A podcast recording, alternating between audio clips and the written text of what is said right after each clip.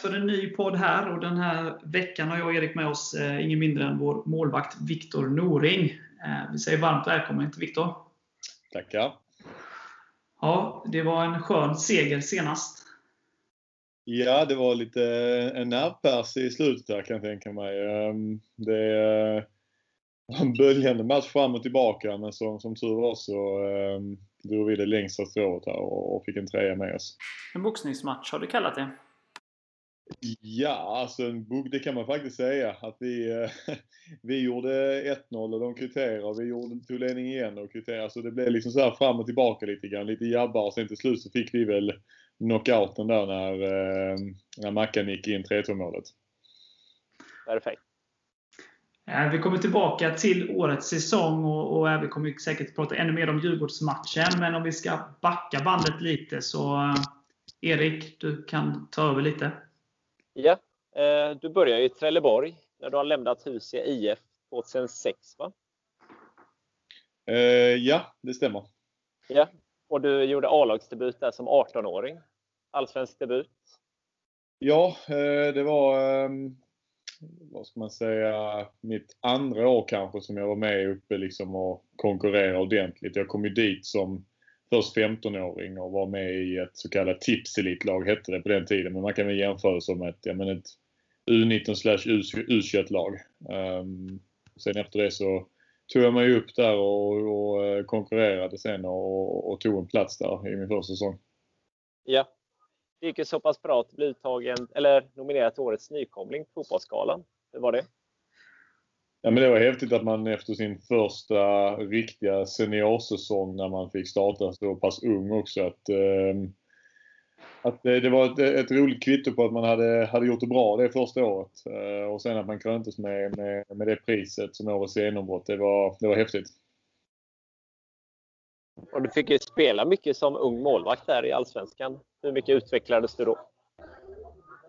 Nej, men det är väl klart att det är, det är skillnad på att gå från att spela ungdomsfotboll till seniorfotboll. Och, och eh, samtidigt så hade vi en ganska bra stabil grund i, i, i laget eh, i Trelleborg på den tiden. Så att för min del att komma in där tyckte jag inte jag var någon jätteskillnad i och med att jag hade tränat och spelat lite träningsmatcher rätt, rätt mycket med, med killarna sen innan. Så att den omställningen var inte så jättestor egentligen.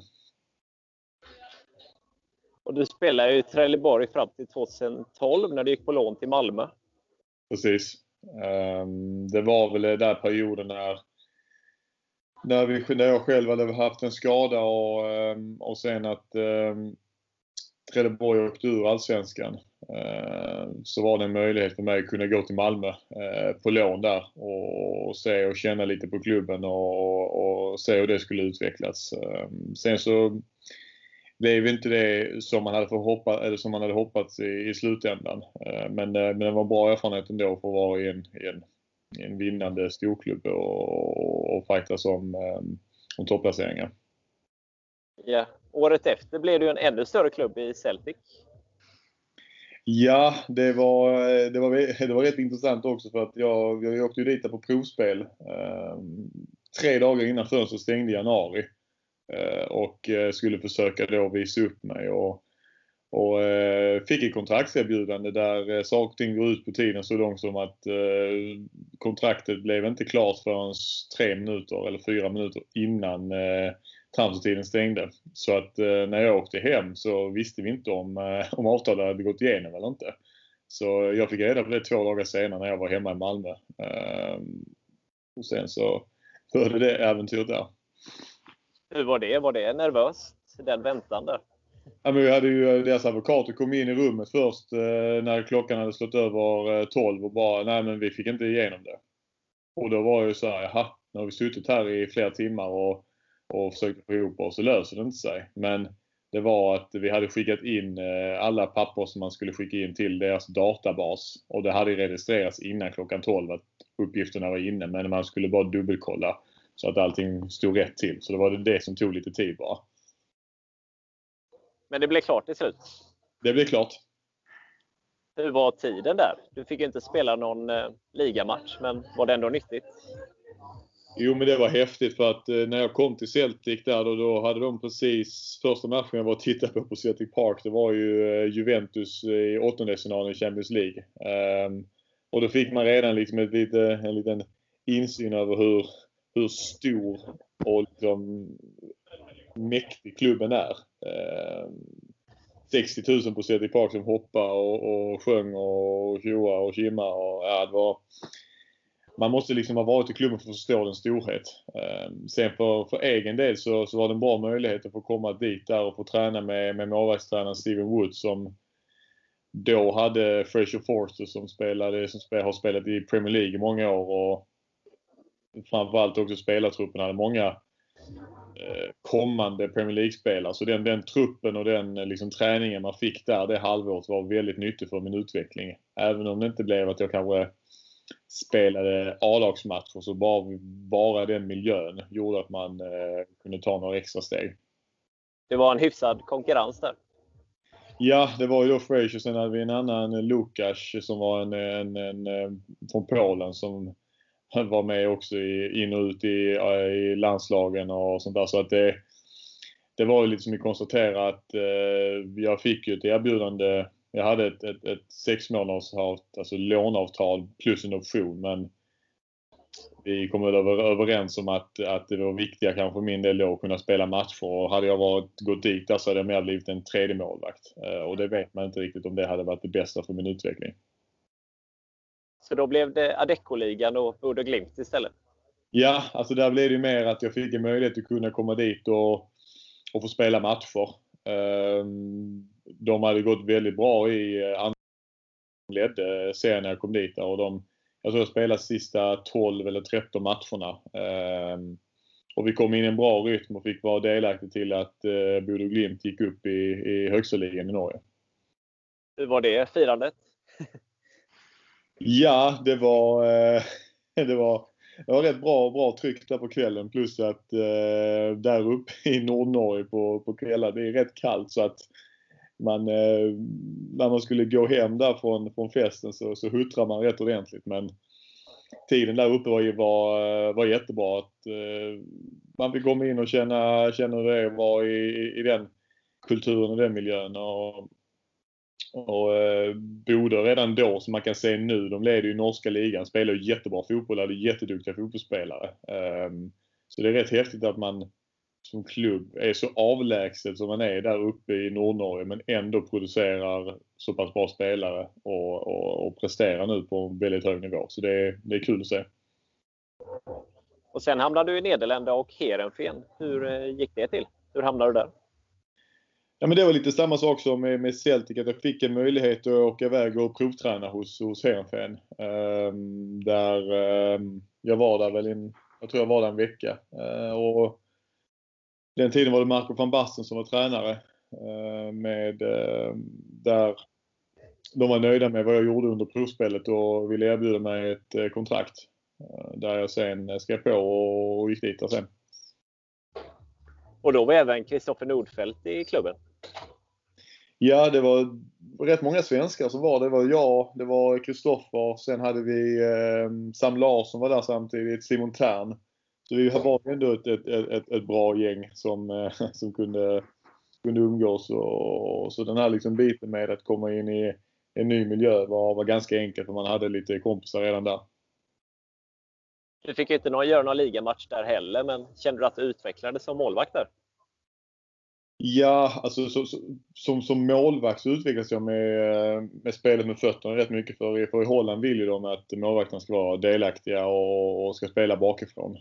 Um, sen kan man väl säga liksom själva hela situationen som uppstod sen med mig var väl att det var väl inte det mest optimala och kanske just den delen i min karriär som var kanske tyngst. Att, uh, att jag kände att jag uh, ville vara delaktig men fick inte lov att vara det under, under en säsong. Um, så den tiden var ändå rätt tuff, både mentalt för det var ju kanske första gången då man fick en, liksom en rejäl motgång. Uh, där man liksom fick kämpa lite med sig själv för att, för att klara av, uh, klara av liksom både fotbollen och, och privatlivet lite. Så att det, var, det var ändå en rätt tuff tid men, men uh, utvecklande också. hur tacklar man det rent mentalt? Jag menar, du var ju fortfarande bara 24 år då va? Ja, men det, det är klart det är tufft. Jag hade min, eh, min fru var ju med mig då också. och Vi bodde tillsammans så att man, man hade i alla fall det stödet. Men eh, det är ju då första gången när man får motgången och man kanske känner att man blir lite orättvist behandlad och, och, och då, då, då liksom byggs det en liten aggression inom en. Eh, som man kanske nu idag lär sig att hantera på ett annat sätt med att saker och ting kanske inte är personligt och fotbollsvärlden fungerar på ett visst sätt. Eh, men på den tiden fick man ju uppleva och lära sig det. Eh, det var ju tufft att liksom gå runt i ett halvår, ett år och vara liksom allmänt frustrerad och, och, och bitter på hur situationen hade blivit. Orättvist behandlad, tänker du av klubben då eller? Nej men det var väl mer bara, alltså, när man kollar utomlands så är det ju rätt tufft med hur, eh, hur mentaliteten är. I Sverige är vi kanske lite bättre på att och, ehm, och, ehm, vara lite bättre eh, med, med, med spelare. Ehm, där blev det ju mer att, att när jag kom sen på sommaren och skulle börja en ny säsong så hade en ny tränare kommit, ny sportchef hade kommit, ny målvaktstränare. Så det blev liksom att, att man fick ju starta om på nytt och där var det att de valde att köra med Kristoffer och en annan ung holländsk målvakt som hade kommit när jag kom på sommaren också. Ehm, så det var väl kanske den biten man kände att man var lite frustrerad över att, att eh, man inte fick lov att vara med på det sättet då. Ja. Och sen hamnade du i Lyngby. Ja, där eh, blev det att jag eh, jag hade egentligen på gång med Lyngby redan på vintern där innan jag kom på sommaren eh, och skulle vilja gå på lån från, eh, från Heerenveen men eh, de valde att inte vilja göra det. Sen blev det ändå att jag gick till Lyngby. Ehm, och var med och spelade upp dem i, ehm, i högsta ligan också. Ehm, fick kanske inte spela exakt så mycket som jag hade velat. Hade börjat ändå hyfsat bra första Eh, tio matcherna. Sen åkte jag på en, eh, en liten skada som sen höll mig borta i en 5-6 veckor och därefter så, så eh, fortsatte laget att vinna. Och då blir det tufft liksom och kanske motivera att man ska in igen när, när laget inte förlorar och vi går jättebra. Vi ligger etta och är på väg upp. Så, men det var, det var samtidigt väldigt roligt att vara i Danmark och bo i Köpenhamn och när man ändå är från Malmö så har man ju varit i Köpenhamn rätt mycket men inte, att, inte bott där. Så att det är i alla fall kul att lära känna liksom staden på ett annat sätt och, och, och, eh, och den fotbollen som är i Danmark också som är lite mer teknisk tycker jag än vad, vad den är i Sverige. Var det viktigt för dig efter den tunga perioden i Heerenveen? Jo, men jag tyckte ändå att, att, att det var viktigt att få komma liksom till, till, en, till ett lag och där man skulle få lite mer förtroende och det kände jag ju såklart i början. Eh, sen kanske jag tyckte att förtroendet eh, försvann på, på ett sätt som jag inte var så nöjd över heller. Eh, men det är klart att det var viktigt att få matcher. Eh, och sen samtidigt att man är, det, är, det är intressant att vara liksom i en situation där man ska spela sig upp i en serie och där det är mer viktigt att man att det är mer press att man ska vinna varje match. Eh, så den, den inställningen är lite annorlunda men samtidigt eh, givande och varig. Och därefter hamnade du återigen i Skottland, i Hearts den här gången. Hur eh, kom det sig? Ja, då kan vi ta det igen, men det, det, det, blev, det blev ett provspelare också. Det är ju det som ja. är ganska signifikativt för mig, att jag har varit i många utländska klubbar och det har ju varit ofta via, eh, via provspel. Eh, för jag har ju liksom känt att, att jo, men jag kan väl ta en chans och åka dit och träna så får vi se om det löser sig. Eh, och det, blev att jag tränade i, i, i Hearts i, i, Skottland i två veckor och, och, skrev sen ett avtal med dem. Eh, de var nöjda efter eh, hur jag hade presterat och uh, ja, skrev, skrev på och flyttade dit sen. Ja, och det blev ju tre ligamatcher bland annat eh, på Celtic Park då. Hur var det att spela där? Jo men det var häftigt. Uh, fick spela de tre sista ligamatcherna den säsongen och hade egentligen velat spela mer och tyckte att jag förtjänade att spela mer. För då, den perioden där tycker jag varit en av de perioderna som jag varit i absolut bäst form. Eh, fotbollsmässigt och fysiskt och den här biten och mentalt. Så att men det var ändå kul att få avsluta den säsongen med att spela då de tre avslutade matcherna. Först var det mot eh, Band Rangers borta på Ibrox. Det var inför 50 000 eh, pers. Och sen sista matchen mot Celtic när de skulle avgöra sin eh, trippel den säsongen igen så blev det, var det 60 000 fans. Så att det, det var häftigt att spela inför den inramningen. Vad var det som gjorde att du ändå vände hem sen till eh, Landskrona?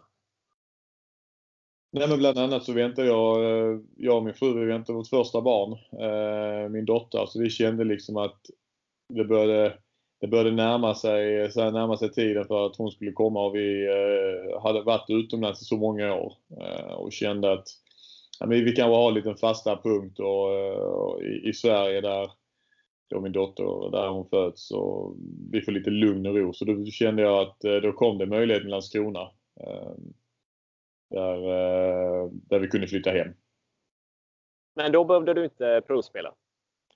Eh, nej, jag, visade, jag, var, jag var där bara en två, tre dagar i alla fall och, och, eh, och liksom kände lite på, på klubben och på eh, tränaren och, och, och lagkompisarna här. Men eh, det, var, det var hyfsat klart redan innan dess.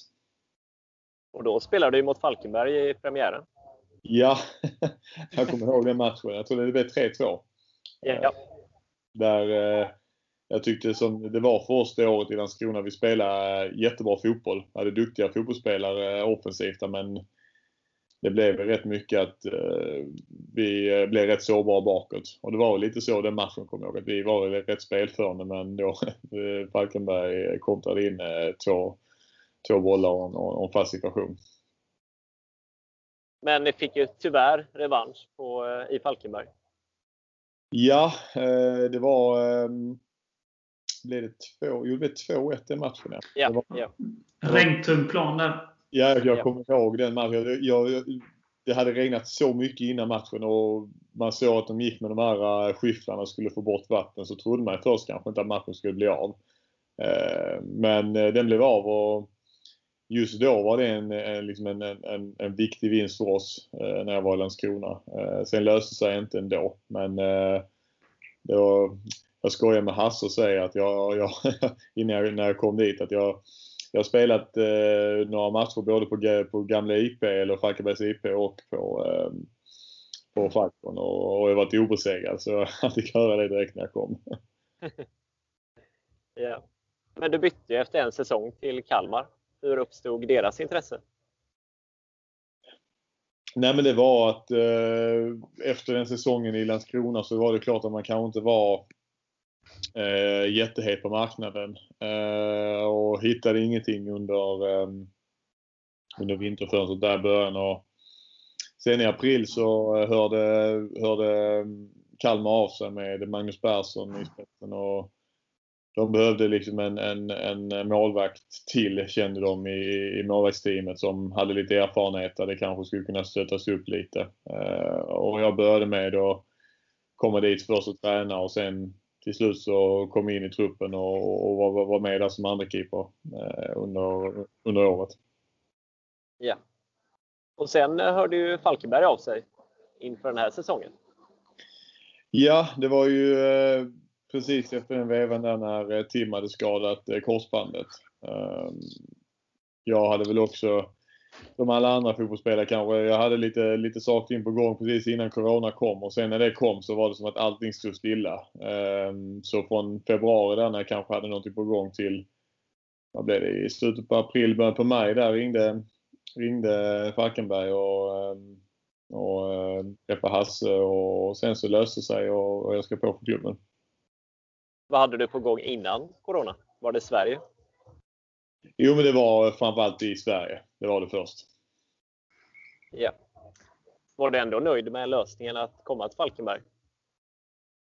Jo, men jag var såklart, jag, jag kände att det var en jättebra bra chans för mig själv att, att, um, att jag har ju känt att jag har, har hållit en väldigt hög nivå under många år fast jag har inte fått chansen riktigt att visa det. Uh, och då kände jag liksom att komma till Falkenberg där som spelar i Allsvenskan och, och så tyckte jag kändes som att det, det, skulle kunna vara ett perfekt steg för mig just nu. Uh, och um, nu i efterhand så har det ju verkligen liksom mynnat ut någonting bra. Vad var dina första intryck?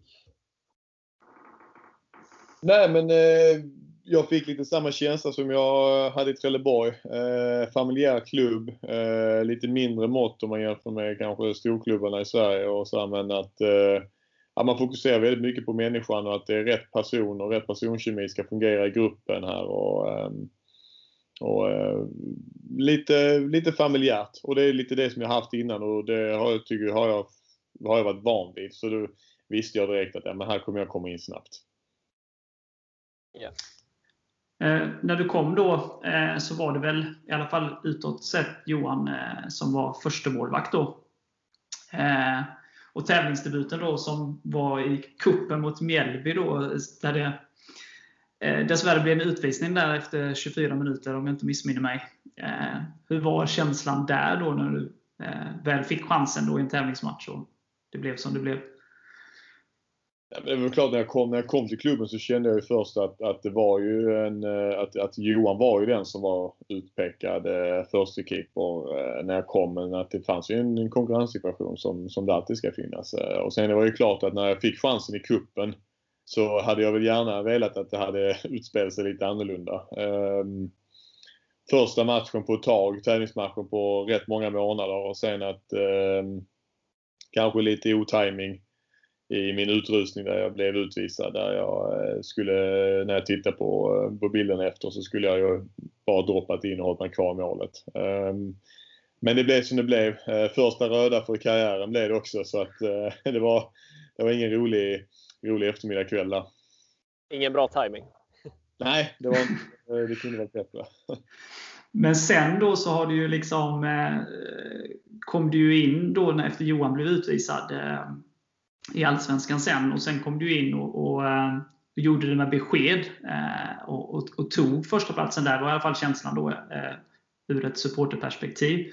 Hur, hur var din känsla där själv under dem när du väl tog platsen? med själva Djurgårdsmatchen kände jag verkligen att, att jag hade ju en, en, en bra chans nu för att visa upp mig och, och visa vad jag går för. Jag kände verkligen att, att den matchen var liksom en liten revansch för mig själv. Eh, och kanske utåt sett också att man har hört i ganska många år att jo, men han har inte spelat så mycket och hur bra är han och eh, håller han verkligen på nivån och sånt där. Och det, var, det var rätt skönt att kunna eh, visa med den prestationen även om vi förlorar i slutändan så var det var ju surt för, för lagets skull men för, för min egen del så var det en jätterevansch. Eh, och jag kände liksom att jag kom in ganska bra in i matchen direkt och sen så flöt på bra. Ehm, så att ehm, det, var, det var skönt att liksom få, få lov att göra en sån bra match eh, när man fick chansen. Ja. Nej, och det är ju många som har sagt och, och sen så tog du ju, hade du ju platsen där fram tills du tyvärr då fick utgå eh, med med skada där, Hammarby borta. Eh, sen var du ju borta där ett tag. Var det enbart på grund av skadan eller var det konkurrenssituationen som gjorde att Johan behöll platsen där eh, under ett tag? Ja, men det var lite grann så att, att jag fick ju en överbelastningsskada i, i låret. Um, och uh, under en två, tre veckor där så försökte man liksom pusha igenom det uh, och hoppades på att det skulle bli bättre. Så det var ju liksom så här att uh, jag fick liksom köra på under veckorna. Sen fick vi känna på lite dagen innan match. Om det fungerade. och då kände man liksom att varje gång jag sparkade fick jag lite samma känsla som jag hade innan med den lilla smärtan som fanns där. Så att, det var väl mer en liten avvägning om att, eh, att inte chansa med att jag skulle försöka spela utan att eh, försöka bli helt frisk igen. Eh, så hade det varit så att jag hade dratt någonting ordentligt då kunde jag varit borta två, tre månader och då var ju min säsong över. Eh, så att det var väl liksom en liten avvägning där att försöka se till att inte bli ordentligt skadad. Sen blev det till slut att vi fick eh, stänga ner lite, att jag fick bli helt frisk med, med att vila mig, vila liksom låret mer här. Och sen efter när det kändes bra igen så, så fick jag komma in. Så det dröjde så pass länge ändå? Det var väl ändå 5-6 matcher du inte spelade? Ja, men sen samtidigt om vi, ser, om, om vi kollar normalt så var kanske det handlar om tre veckor. Eh, hade det varit en normal säsong så kanske jag hade bara missat två, tre matcher kanske. Men nu var det liksom under tiden under sommaren då det var extremt tätt med matcher. Där vi spelade liksom var fjärde dag i princip. Så att det är klart att eh, det var ju en dålig timing att det kom just där. Eh, och att man missade så många matcher såklart. Ja. Men det här är ju första säsongen på länge där du spelar kontinuerligt. Så hur, hur känns det? Så som det har känts nu så har det känts eh, jättebra under, eh, under en lång period här nu. Ända sedan jag kom in i Djurgårdsmatchen så har jag känt liksom att jag har ett, fått ett förtroende och, och har kunnat spela avslappnat. Eh, och det har, tycker jag väl att det förhoppningsvis har visat sig på planen också att man, att man är harmonisk. Och det är liksom lite den känslan jag har letat efter i ganska många år. Att bara få ut och spela och inte liksom tänka på konsekvenser och tänka på om man gör något fel hit och dit och man kan bli utbytt. Utan man bara känner liksom att man går in och spelar sitt spel. Eh, och får den kontinuitet som behövs. Eh, och nu är det faktiskt jag som jag fått det. Eh, och då tycker jag att jag har, har visat en bra, en bra nivå. Men i Allsvenskan, så lik tycker du? Jo, men det tycker jag ändå. Sen är det klart att, att jag tycker att alltså, svensk fotboll har utvecklats sen jag uh, spelade i Trelleborg. Um, de flesta lagen spelar, spelar mycket mer nu uh, än vad man gjorde innan. Det kanske var att bottenlagen och, och lite mittenlagen kanske var lite mer primitiva i sin fotbollssätt. Men sen samtidigt så nu märker man att det är, alla lag försöker spela. eh, och, och det är positivt. Från, från supportperspektiv så, så upplevs du ju väldigt lugn på planen. Eh, står oftast rätt placerad och, och, och, agerar med ett lugn i de flesta liksom, situationerna. Eh, är du lugn själv eh, på planen så, eller är det bara som det ser ut? Nej, men jag kan nog... Eh, alltså det, det är ju liksom... Det är ju mitt spel. Att jag försöker vara en trygg punkt där bak som, som sprider lugn. Um, och sen ska jag ju ryta till ibland om det skulle behövas. Um, men jag tror väl att, att uh, det sätt, jag har alltid spelat så här. Uh, även när jag var yngre och sen nu när jag liksom kom och spelat Trelleborg och hela den biten.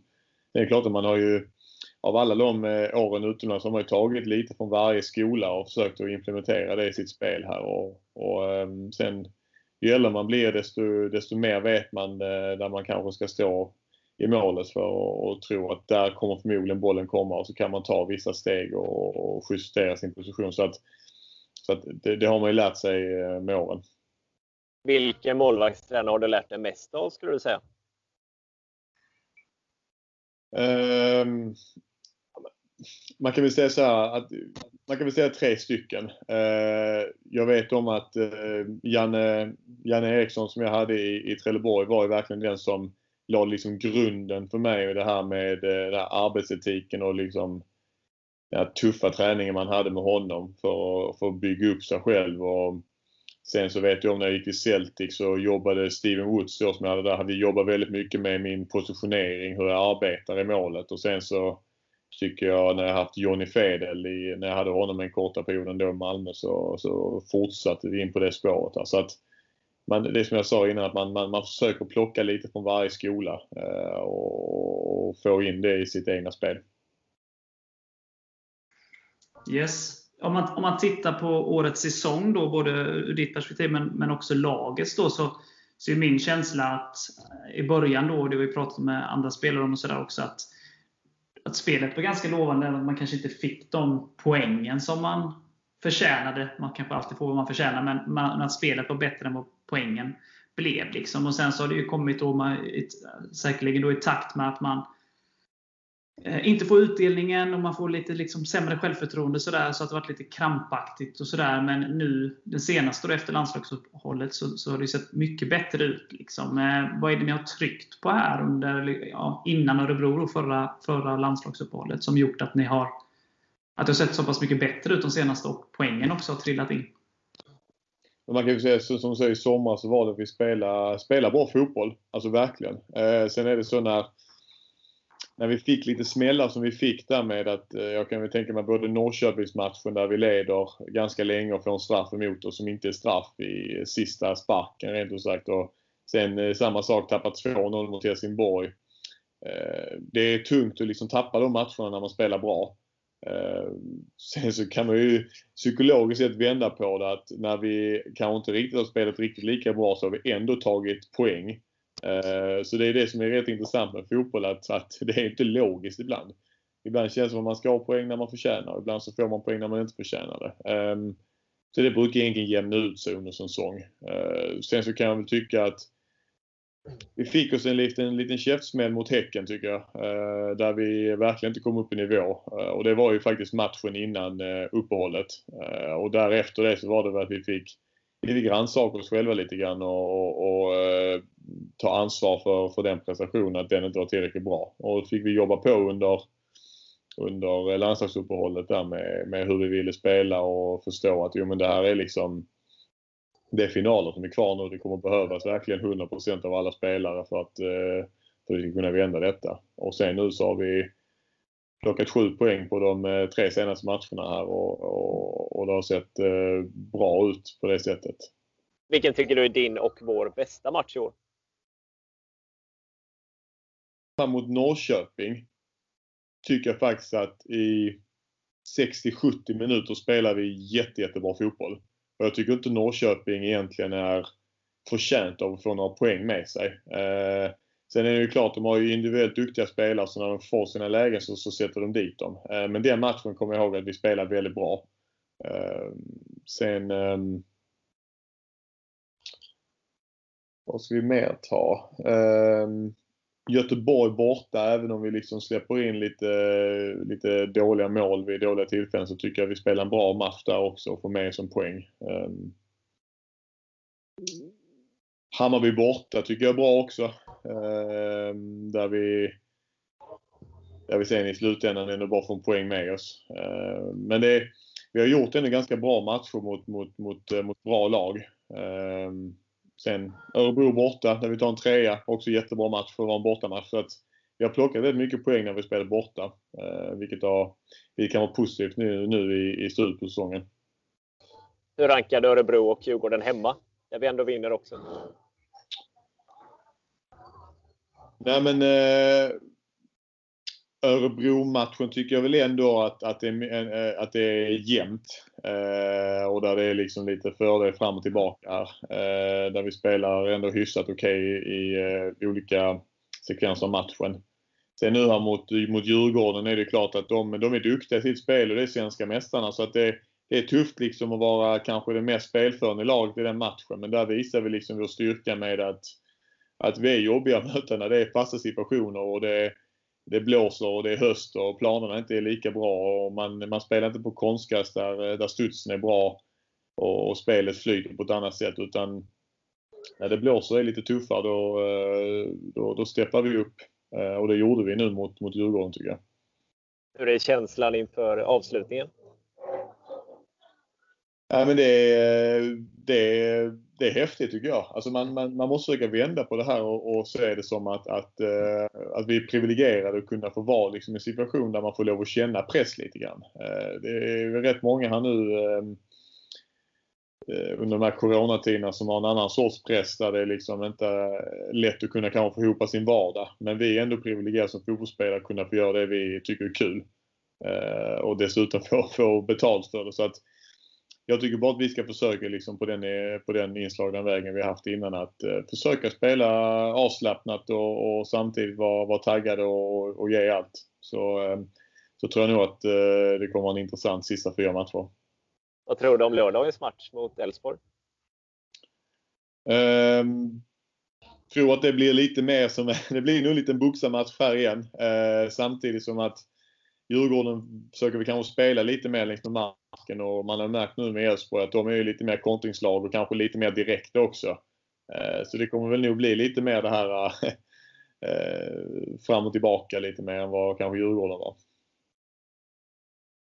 Man, man får ändå känslan, typ lag som Djurgården, Elfsborg och, och Hammarby och så vidare, som, som, som har ett visst typ av spel som, som kanske lämpar sig bäst på deras hemmaplan eller på, på konstgräs. Då. Det är kanske absurt att man pratar om olika underlag, men det är ju vad det är.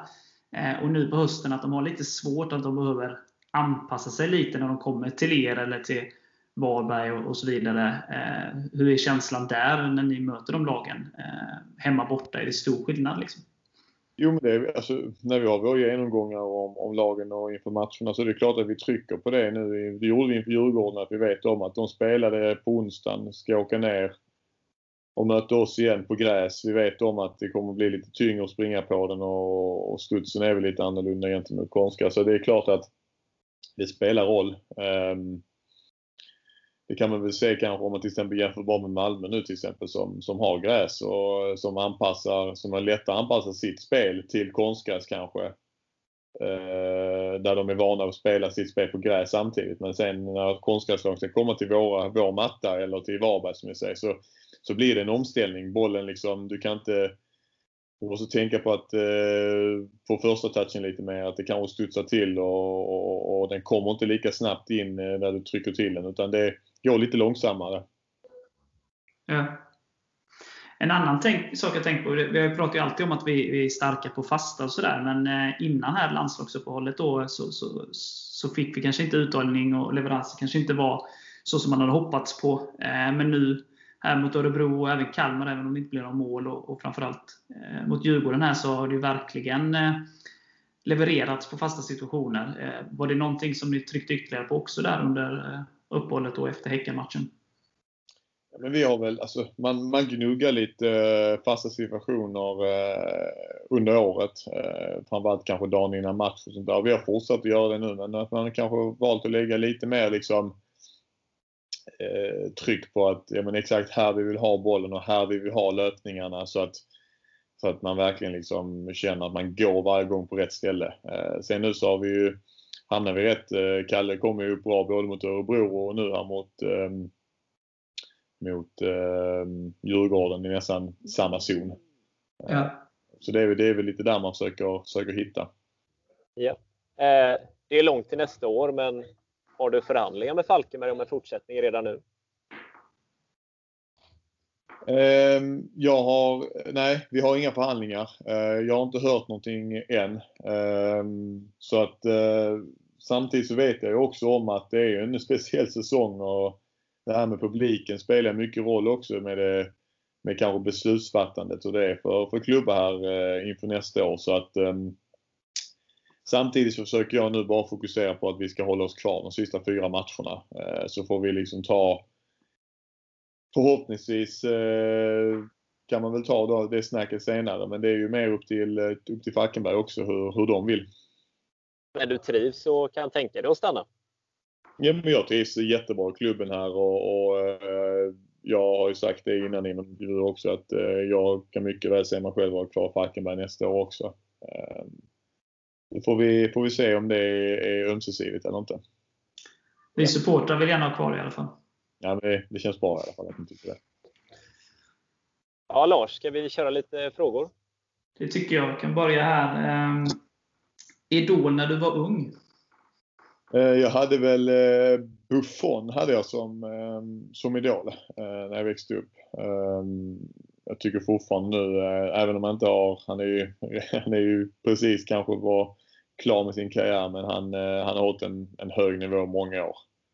Ehm, så det var egentligen honom som jag tyckte var, var kul att inspireras av. Sen så Manuel Neuer kanske är väl den som jag eh, liksom känner att eh, som jag försöker kanske efterlikna mitt spel mest med. Ehm, det betyder inte att man är på, på, på, på hans nivå på det sättet men man försöker väl efterlikna lite det han, han med den stilen han kör. Är det spelet med fötterna då eller? Nej men det är kanske mer det här liksom, han, jag tycker han har liksom en rätt bra pondus och aura runt omkring sig när han spelar och det är väl lite det man försöker efterlikna. Yes. Eh, vem är den bästa spelare du har spelat med respektive emot? Eh, bästa spelare? Jag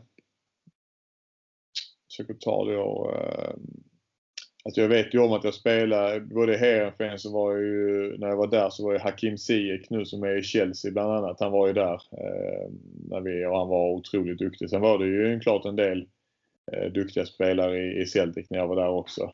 Eh, hade ju Victor Wanyama bland annat, eh, mittfältare som var otroligt bra där tycker jag. Eh, som sen gick till Southampton och var till Tottenham. Så att, det är väl nu de som kommer på, som jag kommer på. Har du några ritualer eh, inför en match?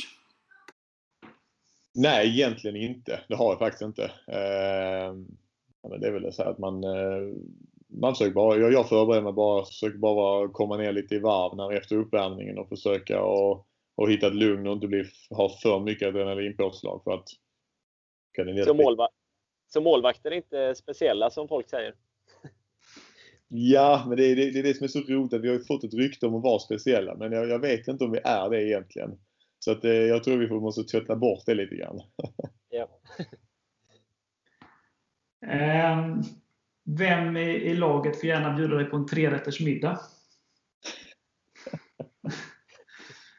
um, ja, det är inte Eddie i alla fall. Jag tror fan inte ens han kan laga mat. um,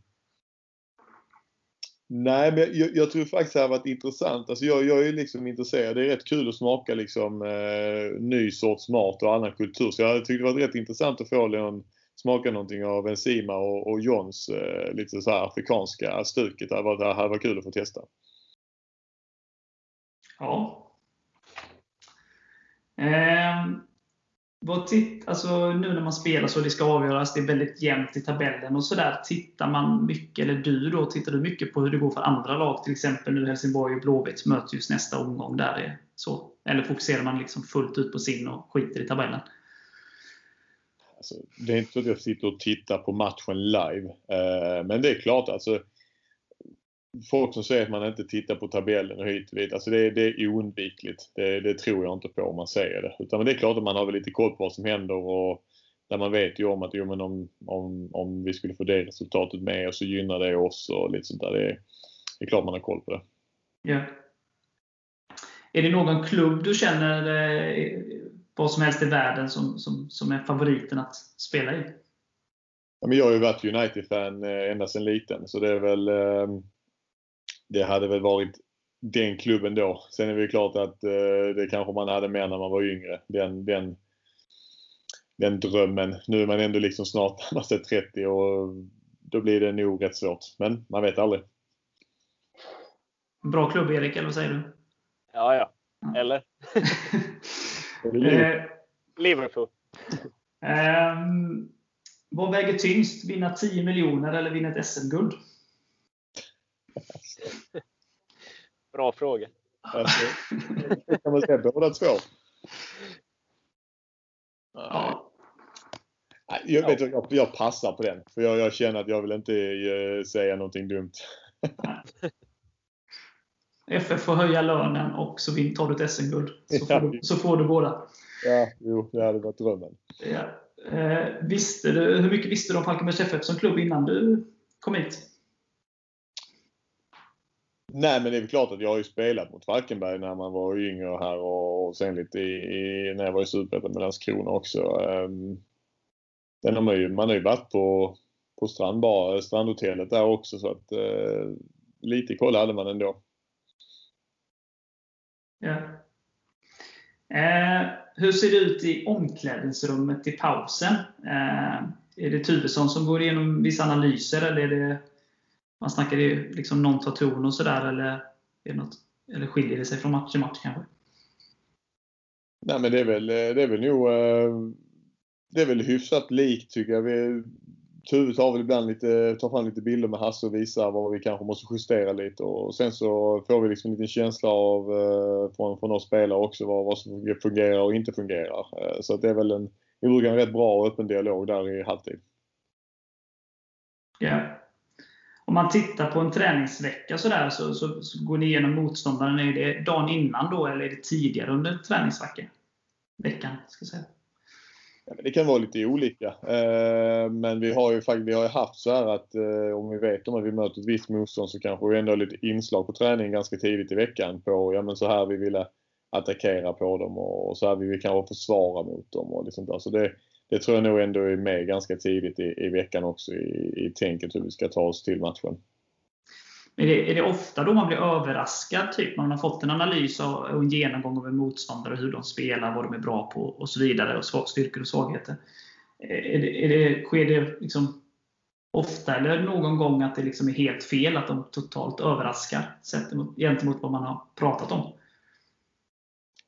Det är lite spel för galleriet ibland. Um, man kanske går ut och säger att, eh, att vi har gjort så här eh, den här veckan och sen kanske de kommer med någonting helt annat. Det, det brukar hända. Ehm, men sen samtidigt så får man väl kanske fokusera rätt mycket på sig själv eh, och, och, sin egna idé. Eh, hur, hur, hur, vi vill, hur vi vill spela matchen. Eh, och sen är det klart man får väl kanske göra justeringar lite under matchens gång och halvlek om vi märker att inte saker fungerar om de har gjort någonting annorlunda. Men eh, det, det, det, är ändå rätt flytande.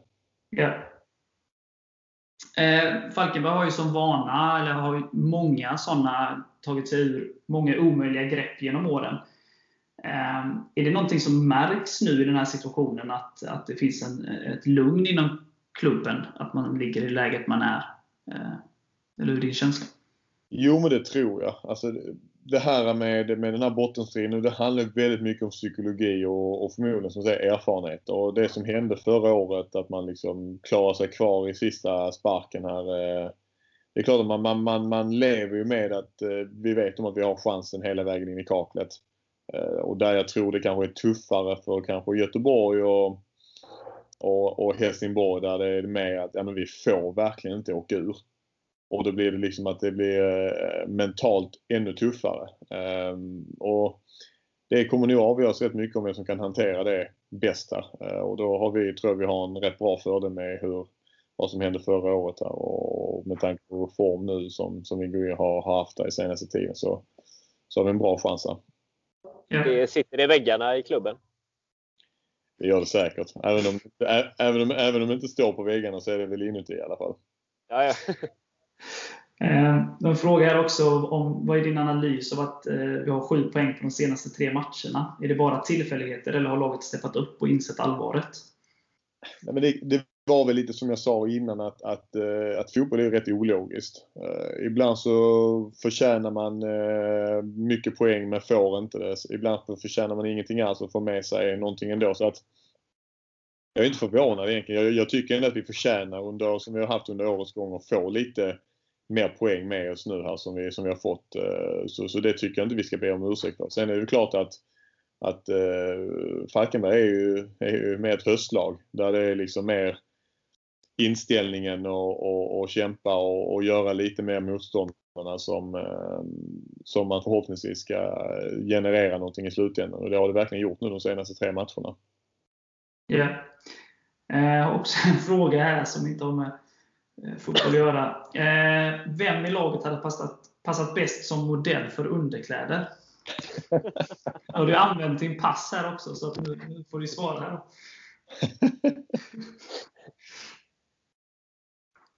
Uh, ja. Ja, men det finns väl ändå, fan, jag tror att en, en kombination av Kalle Johansson, Johan Brattberg, Tibbe. Men, ja. De, den ultimata, de, de, ultimata modellen. Ja, de, de, de, tre hade gjort det ganska bra i den här, vad heter det, eh, brandkåren när de kör sin sån här... Eh, Julkalender. Exakt, de, de hade passat bra där. Ja, det låter bra. Eh, har en, om vi går tillbaka till sporten då. Eh, finns det någon fördel att spela utan publik? Tänker som nu mot Djurgården senast, eh, att liksom, normalt sett hade deras fans dominerat arenan både ja och nej. För jag tror att, att, att eh, hade vi haft lite mer publik på våra hemmamatcher under året så hade vi kanske fått mer poäng med oss där. Eh, och sen kanske vice versa varit tuffare på bortaplan. Så att, men samtidigt så jag, jag har ju, bara när jag har spelat här nu så har jag ibland också känt att eh, den här lilla nerven som finns i slutet på matcherna kanske när, när man har publik och när man liksom känner liksom lite atmosfären.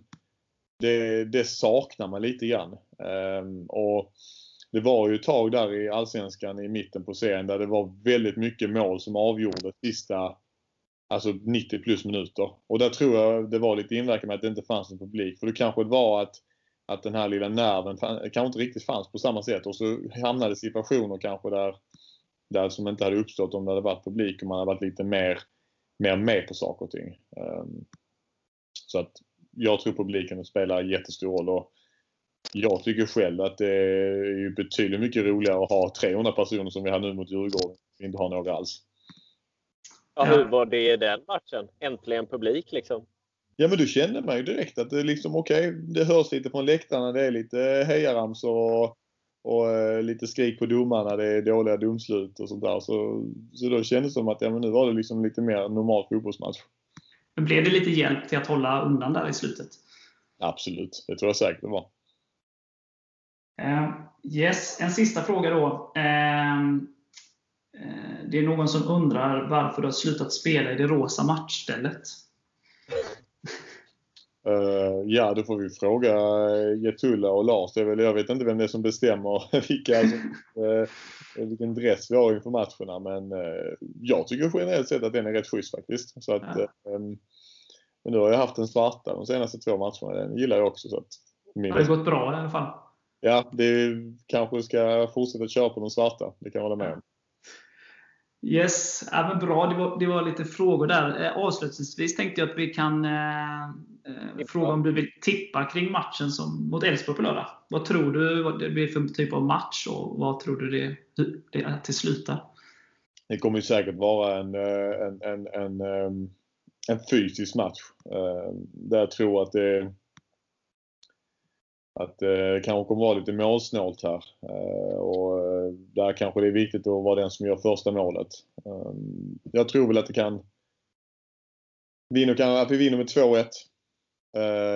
Och att vi, att vi tar en, en, en 2-0 ledning och sen kanske de får in en boll men vi ändå håller ut som vi gjorde nu senast mot Djurgården. Målskyttar?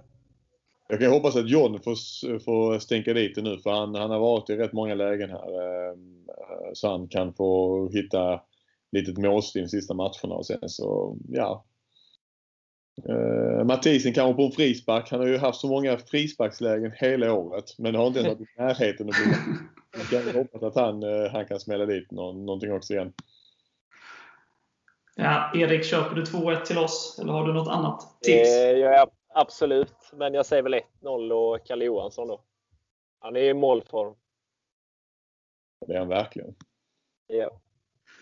Ja, jag, ja, det är bra resultat båda två. Jag får väl skilja mig lite, så jag säger 2-0. Eh, Viktor eh, får hålla nollan här. Eh, Norén vill ju inte vara sämre än Kalle, så han gör ett mål. Och Sen hoppas jag också på att John får utdelning nu. Så, så får det bli. Det låter bra. Axel var, Axel var ju lite målkåt senast. Han såg ju till så att eh, offside-målet eh, blev ju. Men han kanske gått in ändå om han inte hade rört den. Ja, det har du rätt i. Så han ja. förstörde det. ja, så kan det vara. Ja, vi vann ju ändå, så det, ja, vi får leva med han det. Då. han är förlåten. Ja. ja, men härligt. Eh, jag har inget mer. Är det någonting du vill lägga till, Erik? Nej, känner mig nöjd och längtar efter lördag nu. Kanon! Men eh, stort tack Viktor att eh, du ville ställa upp och stort lycka till resten av säsongen. Ja, tack själva! Det var jättekul att få, få vara med och snacka lite. Så att, eh, nu kommer, ska vi ordna upp det här i, i slutändan. Det låter ja, bra. Sen får, du, sen får, du, komma tillbaka till podden. ja, det, det, det, får vi se. Det hoppas jag också. Ja, och Erik, du snackar med Håkan här så att, så att vi har mer tillfälle att ha med honom i podden. Då. Ja, precis. Ja, det låter bra. Kanon! Tack så jättemycket Viktor. Ha det bra själva. Hejdå. Detsamma. Hej. Ha det.